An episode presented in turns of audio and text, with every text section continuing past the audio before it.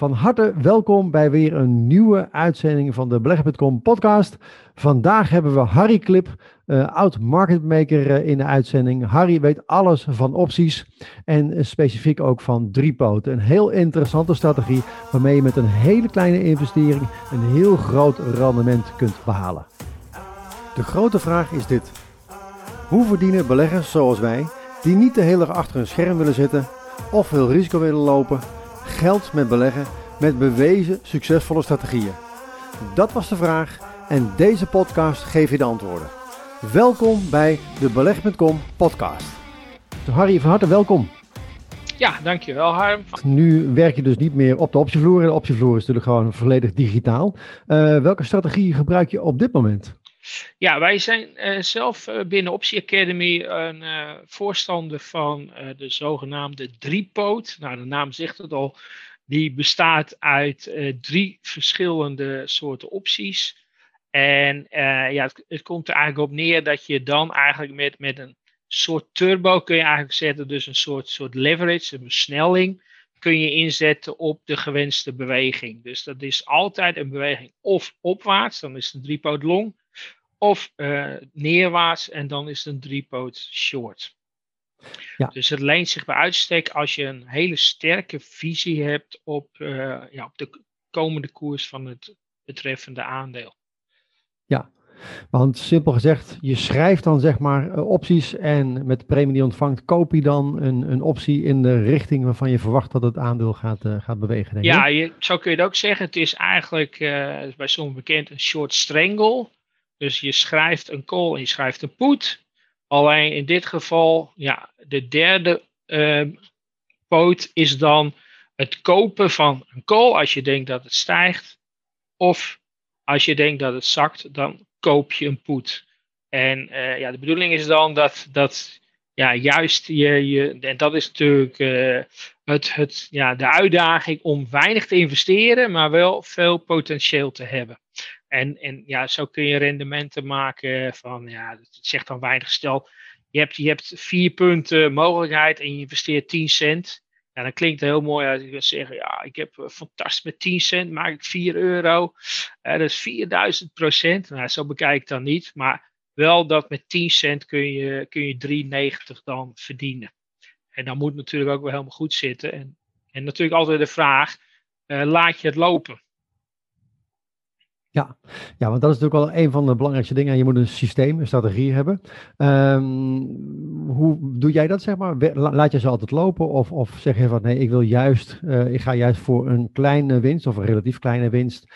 En wie het onderste uit de kan wil, die krijgt een deksel op zijn neus. Uh, dat is een bekende uitspraak natuurlijk. Ja, wij zitten een beetje tussenin. Uh, natuurlijk, je moet niet, niet gelijk bij zoiets 30 cent winst pakken.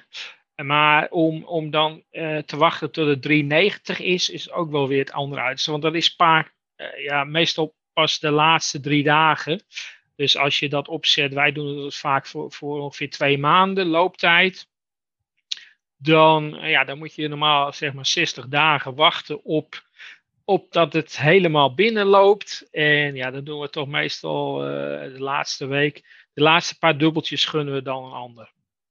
En als, je, als, je, als je bijvoorbeeld met 10 cent 3 euro verdient, ja, dat is wel mooi. Moeten we bij zeggen dat we dus uh, ook nooit binnen onze portefeuille, nooit uh, dus alleen op long of alleen op, op, op short inspelen. Het is altijd een mix. Ja, ja. En je moet ook rekening houden met een margin, hè? want op het moment dat je op zich gaat schrijven, dan loopt natuurlijk een bepaald risico. En dan is het natuurlijk belangrijk uh, dat de bank of broker uh, een bepaald bedrag op je rekening blokkeert om ervoor te zorgen dat jij niet ineens de premie incasseert en vervolgens uh, afreist naar een mooi tropisch eiland en vervolgens gaat afwachten wat de uitkomst wordt. Of het goed is, ja. dan, heb je, dan heb je geld voor een cocktail. Heb je, geen, heb je die goed, dan heb je in ieder geval een lekker, lekker zonnetje te pakken. Maar banken en brokers weten dat, dat het ook wel eens een keer misgaat. Dus daarom is dat ook wel, wel belangrijk om, om, om rekening te houden dat het niet alleen een kwestie is dat je dus premie ontvangt en die weer gaat investeren, maar je ook geld moet reserveren voor, uh, voor de margin natuurlijk. Ja, uiteraard. Hè. Uh, dat, dat is dus, uh, als bij driepoot long, dan koop je dus een call. Nou, en die andere call daarboven is geschreven. Dus daar heb je geen margin voor nodig. Je hebt dan alleen een margin nodig voor de put die geschreven is. En, en daarom is het ja, wel heel belangrijk dat je ja, vrij veel weet van het betreffende aandeel waar je dat doet. En ja, ik zelf heb dan een soort algemene regel. Ik doe dat niet bij aandelen die ver boven de 100 noteren. want ja, heel plat gezegd, stel een faillissement. Nou ja, dat doe je meestal ook bij aandelen die natuurlijk een, een hoge waarde hebben. Dus ik, ik, ik zou dat niet doen bij een gokaandeel. Uh, maar een aandeel die je dus al, al jaren volgt. En ik doe dat dan uh, veel in Europa.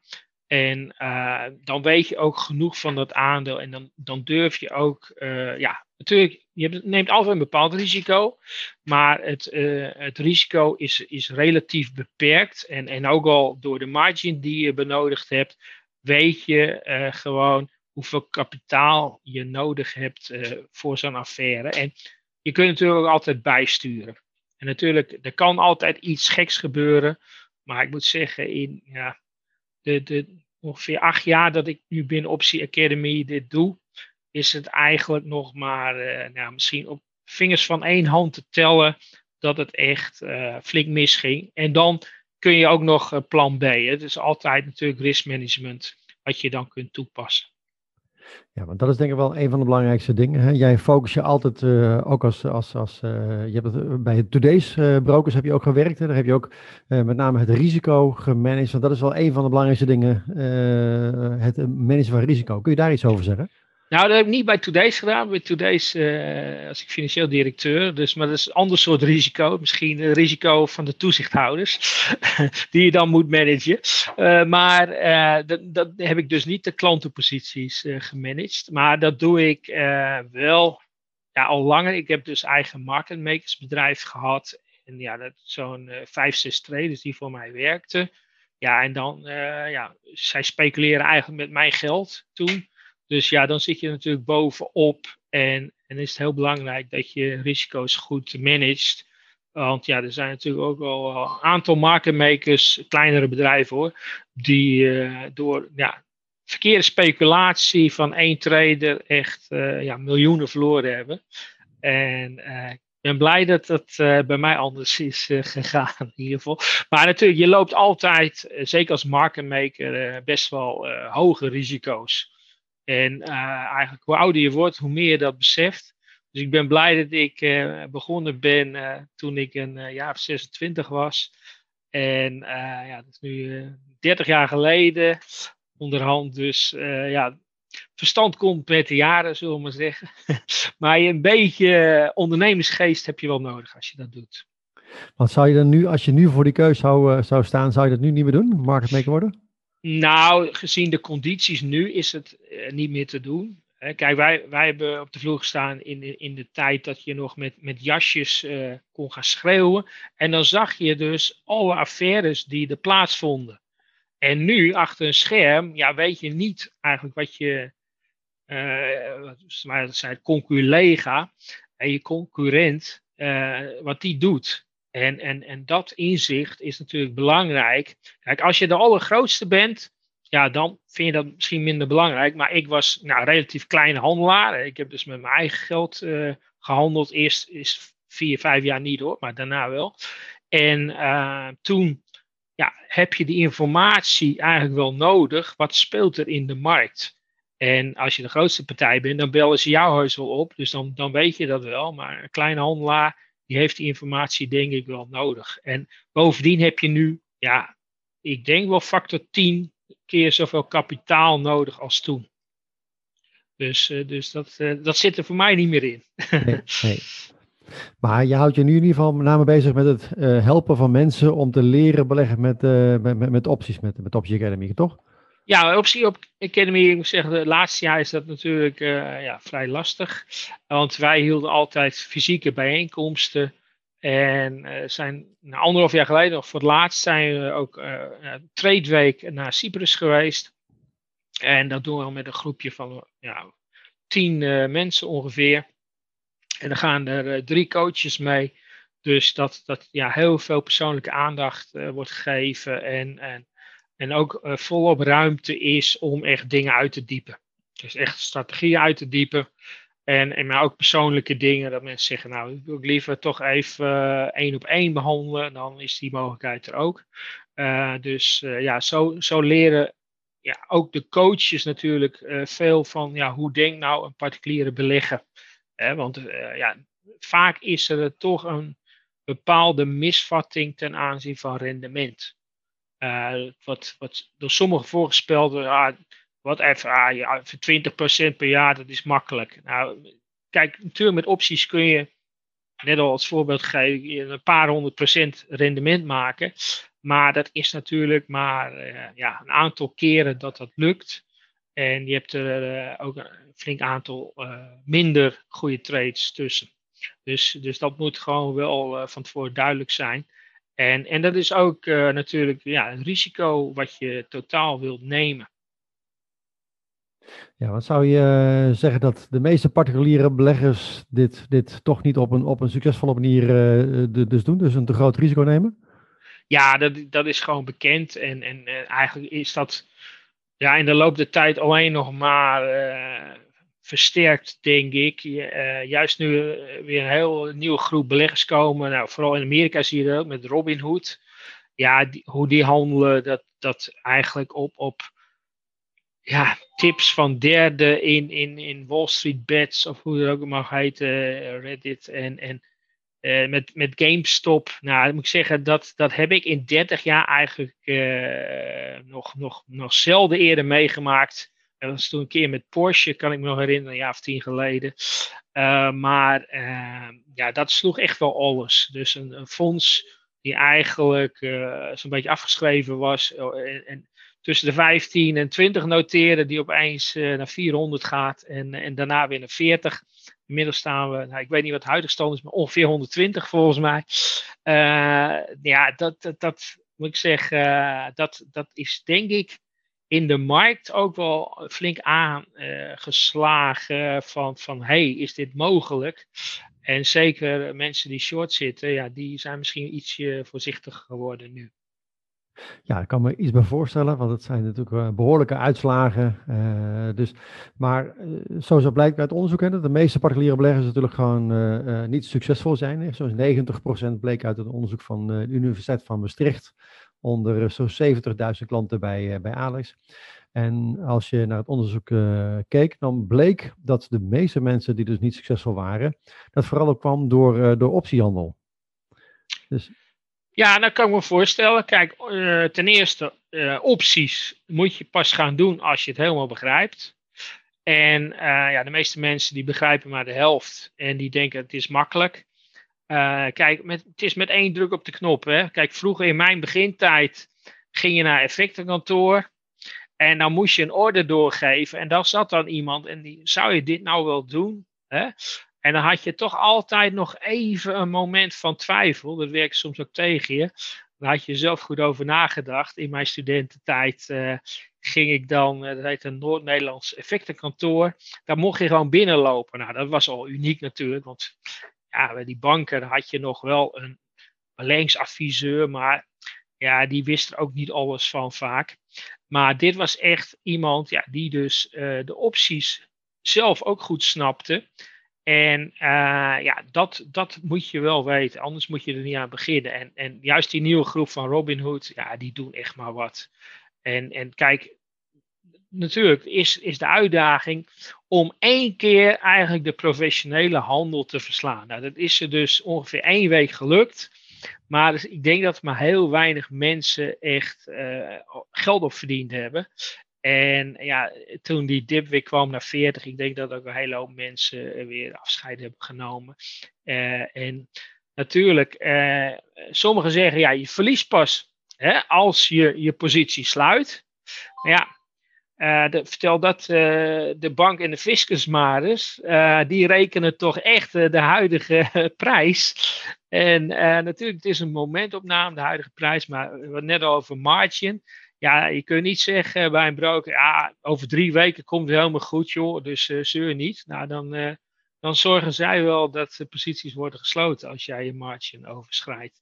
En dat was natuurlijk op de optiebeurs uh, was dat ook zo. Hè. Er waren ook wel eens gokkers bij.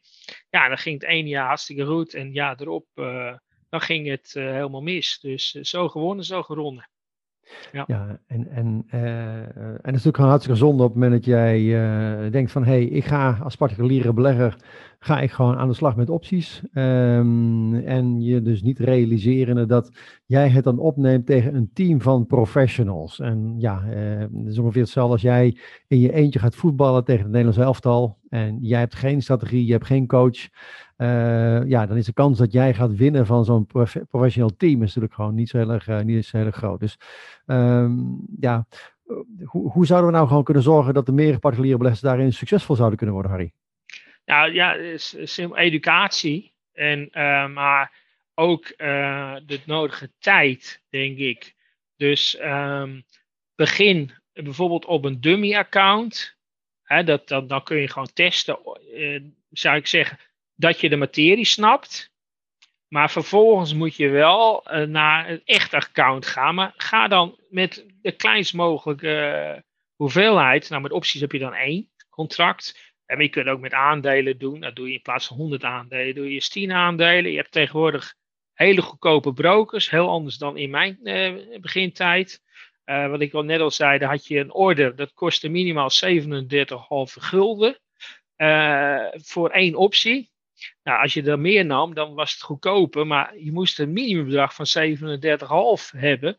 En, en ook aandelen waren schreeuwend duur. Ja, nu kun je bijvoorbeeld via Maxim, ja, kun je voor 1,80 euro kun je aandelen handelen. Dus, dus dat is hartstikke mooi. En, en begin dan gewoon met, met ook aandelen ja, die in ieder geval uh, ja, niet de gokaandelen zijn, maar uh, ja, bekend zijn dat ze, dat ze niet zo giga swings hebben. En um, dat je ja, dicht bij huis eerst blijft. En van daaruit uh, ja, snelle leercurve kunt uh, gaan. En natuurlijk dat je ook een goede coach bij je hebt. Hè? Want uh, hetzelfde met autorijden. Je kunt wel zeggen, ja, ik kan van mijn vader kan ik ook een autorijles krijgen. Want die heeft ook een heeft ook een uh, examen ooit gedaan. Hè, maar je hebt toch liever een volleerd iemand die precies weet waar jij mee zit. Die eerste vijf lessen. Hè, want dan komt er zoveel op je af. Nou, dat is op de beurs net zo. En in het begin denk je, ja, waar moet ik naar kijken? Oh, de beurs beweegt. Uh, paniek. Maar je moet juist leren om echt te focussen op die belangrijke informatie. En uh, ja, dat, dat, dat vergt natuurlijk wel tijd. Maar als jij een goede coach hebt, dan kun je ja, die leercurve ontzettend versnellen. Ja, ja. Ja, want we kunnen wel zeggen, kijk, opties is in principe gewoon voor iedereen wel mogelijk. Alleen ja, je moet dus wel de tijd nemen om je daarin te verdiepen. Um, en je moet gewoon een goede coach hebben die je helpt. Want het probleem is met opties, als je een fout maakt, dan is zo'n fout natuurlijk over het algemeen uh, wel vrij kostbaar. En als je nog niet de juiste kennis ook hebt, heb je natuurlijk het probleem dat uh, ja, het is fout gegaan. Maar waarom het fout is gegaan, dat weet je niet. En wordt het ook heel erg lastig om natuurlijk gewoon van, van te leren. Dus daarom, uh, bekende uitspraak van Warren Buffett is bijvoorbeeld ook, de beste investering is een investering in jezelf. Dus investeer gewoon in je kennis. zorg ervoor dat je in ieder geval ja, goed beslagen ten ijs komt. Uh, ik raad mensen meestal ook aan om eerst te beginnen met aandelen. Hè? Dus eerst te leren lopen voor ze gaan, uh, gaan rennen. Want uh, met drie poten, is een bekende uitspraak voor jullie geloof ik, hardlopen met drie poten heet geloof ik de cursus. Hè? Dus, dus daarom is het wel belangrijk dat je eerst goed de basis onder de knie hebt en dan pas aan de slag gaat met, uh, met opties. Want ja, voordat je aan de slag gaat met uh, delta's, theta's, vega's, gamma's, al dat, dat, dat, soort, uh, dat soort Grieken, dat soort ken, ja, woorden, is het belangrijk dat je dus eerst de juiste kennis bezit voordat je aan de slag gaat. Want ja, ik moet je ook eerlijk zeggen, ik leer ook nog steeds iedere dag gewoon bij op de beurs. En dat maakt het op die manier ook, ook wel heel in, interessant. Hè? Want uh, leer jij ook nog steeds op de beurs nu, Harry? Of, uh... Nou, laatste jaar is zoveel gebeurd wat ik in, in 30 jaar nog niet uh, meegemaakt heb. Nou, net al hebben we het gehad over wat met die GameStop is gebeurd. Ja, afgelopen jaar heb ik zelf ook ervaren met Wildcard. Daar begon ik pas in te interesseren toen het van 2,50 naar 20 ging. Dat was gewoon een DAX-aandeel waar dus ook fraude was gepleegd. Maar wat je dan ook meemaakt is dat de broker opeens, en ja, dat doet hij dan niet vanzelf, maar waarschijnlijk door de, de zogenaamde hele deskundige ambtenaren van de SEC of de AMF, dat die ja, iets, iets, iets bedenken. Uh, dat, dat, dat je denkt, ja, toen werd op één dag werd opeens, uh, ja, die, hè, dus de marginverplichting, die werd vervijf of vertienvoudigd. Nou kijk, dan is het dus, je bent op het voetbalveld en ze verplaatsen opeens de doelen. En dan moet je maar normaal vinden. En ja, dan ben je dus helaas als particuliere belegger je, je, hebt, je hebt niks in te brengen. Hè? Dus, dus pas daarvoor op. Moet zeggen, ik heb dat toen ook onderschat. Uh, maar het is eigenlijk niet leuk um, dat dus die spelregels worden uh, veranderd.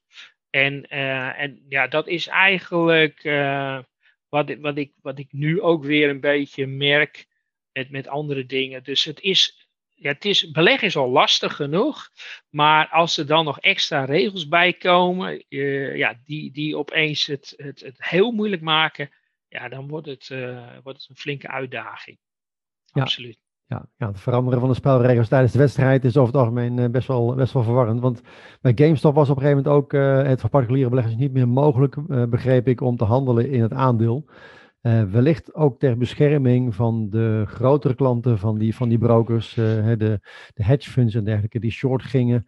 Um, ja, misschien om die enigszins te beschermen. Ik, uh, ja, je weet natuurlijk nooit helemaal precies wat daar achter de schermen heeft, heeft afgespeeld, maar er zijn wel een aantal telefoontjes gepleegd, denk ik.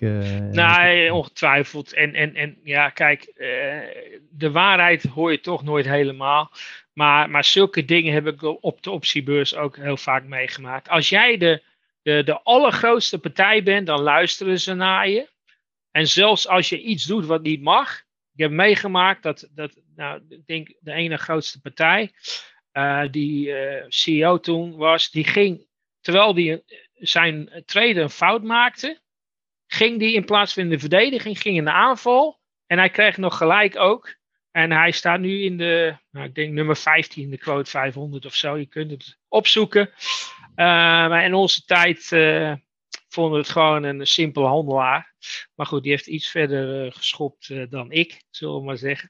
Maar ja, dan denk je ook van, ja, money talks. Ja. ja. Want waar zou je nu als particuliere belegger uh, je op moeten, op moeten focussen? Op wel, welke, welke strategie? Wat, wat, zijn, wat zijn strategieën? Want ik denk dat een driepoot misschien voor de gemiddelde particulier uh, toch wat, wat, wat lastig is om, om mee, te beginnen. Wat, wat zou je particulieren willen aanraden om, eens, om eens naar te, gaan kijken als je met opties je wil gaan, gaan bezighouden? Ja, nou natuurlijk. Um, het schrijven van opties moet je echt voldoende kennis hebben. Hè? Want dan komt dus een marginverhaal om de hoek kijken en opties sowieso zijn dynamisch. Dus, dus wat ik al zei, hè, eh, de markt kan hetzelfde zijn en de omstandigheden veranderen. En dan uh, gaat die margin ook veranderen. Dus dat kan. Dus begin gewoon, ja, dan simpel. Het kopen van een call als je denkt dat het omhoog gaat. En het kopen van een put als je denkt dat het naar beneden gaat. Alleen, doe dat dan ook heel klein. Dat je ook beseft van als nou hè, die optie, als dat aandeel een euro omhoog gaat, hoeveel gaat die optie dan meelopen? En schrijf dat dagelijks op. En dan ontdek je van hé, hey, er zit best wel een logica in. Want dat is het, ja, vind ik het leuk aan opties. Dat zit heel logisch in elkaar. En er zijn in, in onze tijd zijn er regelmatig komen dan mensen en ik heb iets bedacht en daarmee verdien ik altijd geld. Nou, dan, dan, dan zoeken we contact met die mensen. Dan hebben ze een heel mooi verhaal. En komt er, ja, heb je hier aan gedacht? Nee, nee, nee, nee, maar ja, dit. Uh, dan, dan is het toch weer iets waar ze niet aan gedacht hebben, waardoor het dan niet opgaat. Helaas. Ik hoop nog steeds dat iemand mij hier belt en zegt: Nou heb ik een systeem dat altijd geld oplevert.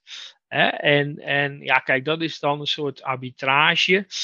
Dat levert dan misschien heel weinig op. En dan moet je hele snel computers hebben, maar dat bedoel ik dan niet. Nee, gewoon dat je een systeem hebt waar je ja, eh, gewoon normaal geld mee verdient.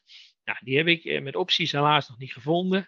Hoewel ik toch al ja, ruim 30 jaar met opties bezig ben.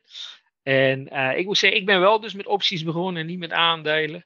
Mijn eerste optie was AXO. Nou, daar heb ik dan later ook op de optiebeurs beroepshalve in gehandeld. Er hadden twee namen. Uh, Axo, dat was uh, Paxo als het omhoog ging. En even later was het weer Zaxo, want dan ging het toch de andere kant op. Dus ja, het, het was een goed aandeel om, om in te beginnen, in ieder geval. Dus, dus dat raad ik dan ook aan. Begin bij een aandeel waar je iets van af weet. En natuurlijk, ik weet wel, verleden zegt niet alles. Maar dan heb je toch een beetje idee ook hoeveel de dagelijkse beweging is. Ik zag toevallig vandaag, ASML beweegt vandaag op een ochtend 20 punten. Ja, dat vind ik absurd.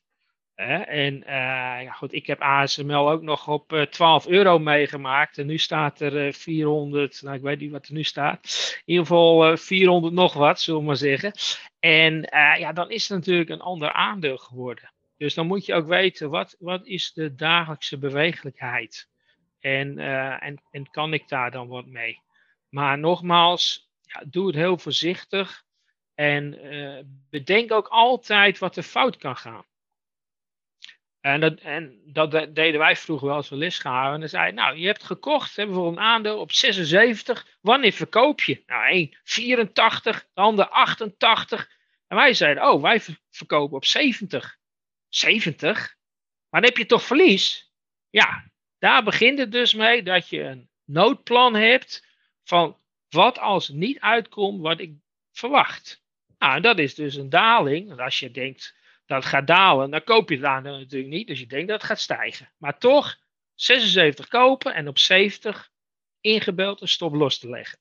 Nou, en dan oefen je ook dat je het fout kunt hebben gezien. Want dat gebeurt bij iedereen. Dus train je daarin dat je niet altijd gelijk krijgt. Nee. En, en dus van tevoren besluiten waar je gaat verkopen. Hè, dus vooraf, in plaats van, uh, want op het moment dat je in een positie zit, dan ben je niet langer meer uh, objectief. Dus vooraf, voordat je de positie opent, moet je al weten, ik ga er hieruit en ik ga er daaruit. Hè. Dus ook altijd een stop los. En eventueel ook een, een take profit. En dat is zeker bij opties natuurlijk gewoon uh, van het allergrootste belang. Omdat ja, opties hebben natuurlijk ook, uh, wat je zegt, ze zijn dynamisch, ze veranderen. Uh, maar de verandering van de verandering verandert ook nog. Dus het wordt op die manier natuurlijk gewoon wel belangrijk dat je heel goed uh, je huiswerk doet. Precies weet waar je in actie gaat komen en wanneer en wanneer niet. Dus dat ja, is, dat is bijvoorbeeld leuk als je twee opties hebt. Hè? Dan ben je dus iets verder, zal maar zeggen. Maar dan kun je echt gewoon zeggen: Nou, ik koop twee maal optie voor 1 euro. Dat is altijd maar 100. En dus investeer je 200 euro.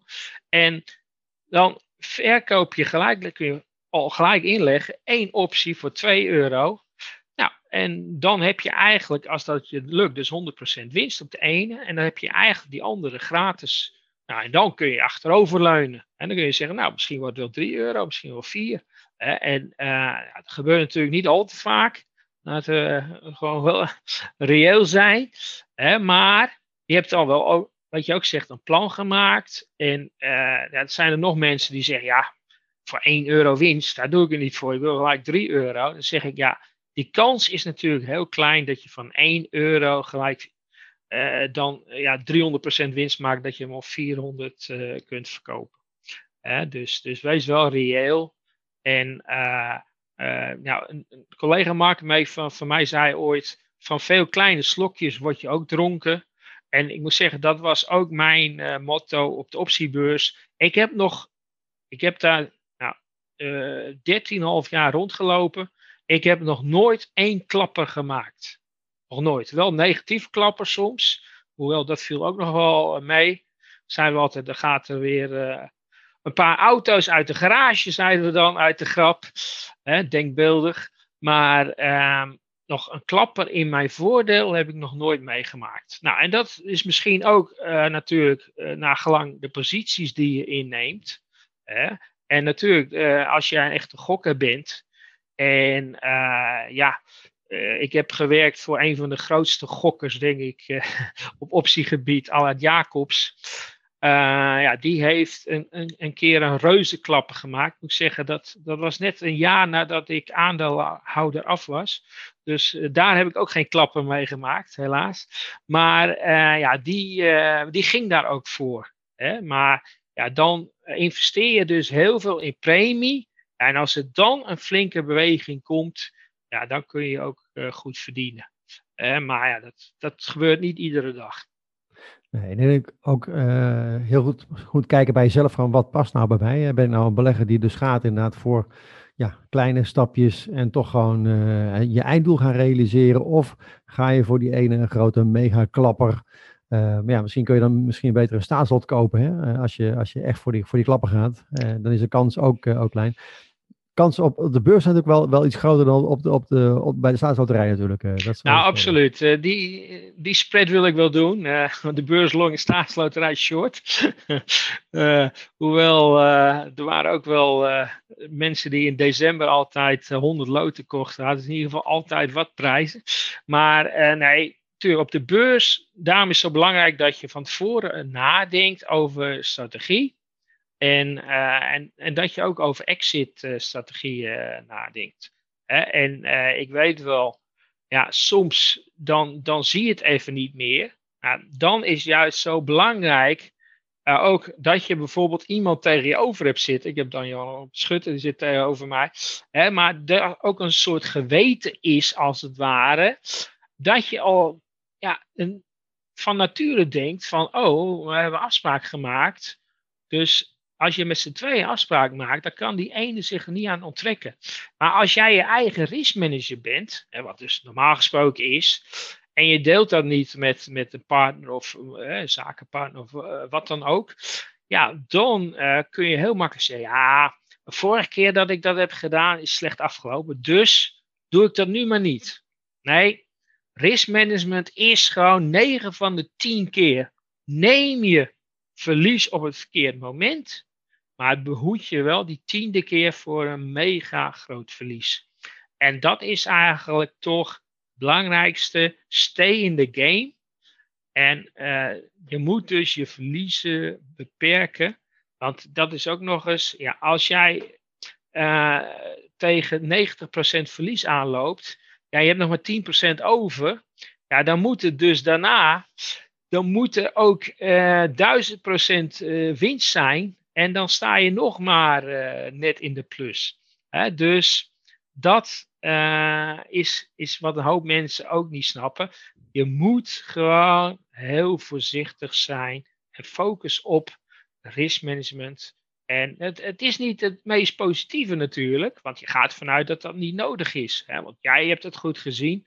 Maar helaas, uh, degene die hadden voorspeld dat GameStop van 20 naar 400 zou gaan, ja, die, uh, die hebben toch even, denk ik, helemaal misgehad. Uh, hè, dus uh, ik, ik, geloof niet dat mensen dat, laat ik zo zeggen, dat die dat hadden voorzien. en en dat, dat is ook het bijzondere aan de beurs. Ik zeg wel eens, de beurs is 2 plus 2 is geen 4, maar is 5 min 1. Oftewel, de, de, de, de trend gaat nog even tot in het extreme door. Dat je denkt, ja, dit kan toch niet. Ja, en uiteindelijk, ja, dat is ook het moment dat een hele hoop mensen worden uitgepist natuurlijk. Uiteindelijk komt het vaak wel weer goed. Maar ja, dat is ook de factor tijd. Hè. Kijk, als market maker heb je die factor tijd niet. Want ja, je wordt iedere dag afgerekend. En uh, als jij het niet doet, die positie sluit, dan doet uh, jouw riskmanager het wel. En, en, doet die het niet, dan doet de clearing het wel. Met, met wie je dus een contract hebt. En uh, die zijn ruksigloos. Dus als jij uh, bij wijze van spreken 1000 euro tekort komt, kun je niet zeggen, ja, morgen is die 1000 er wel. Uh, nee, je moet gewoon ja, hakken.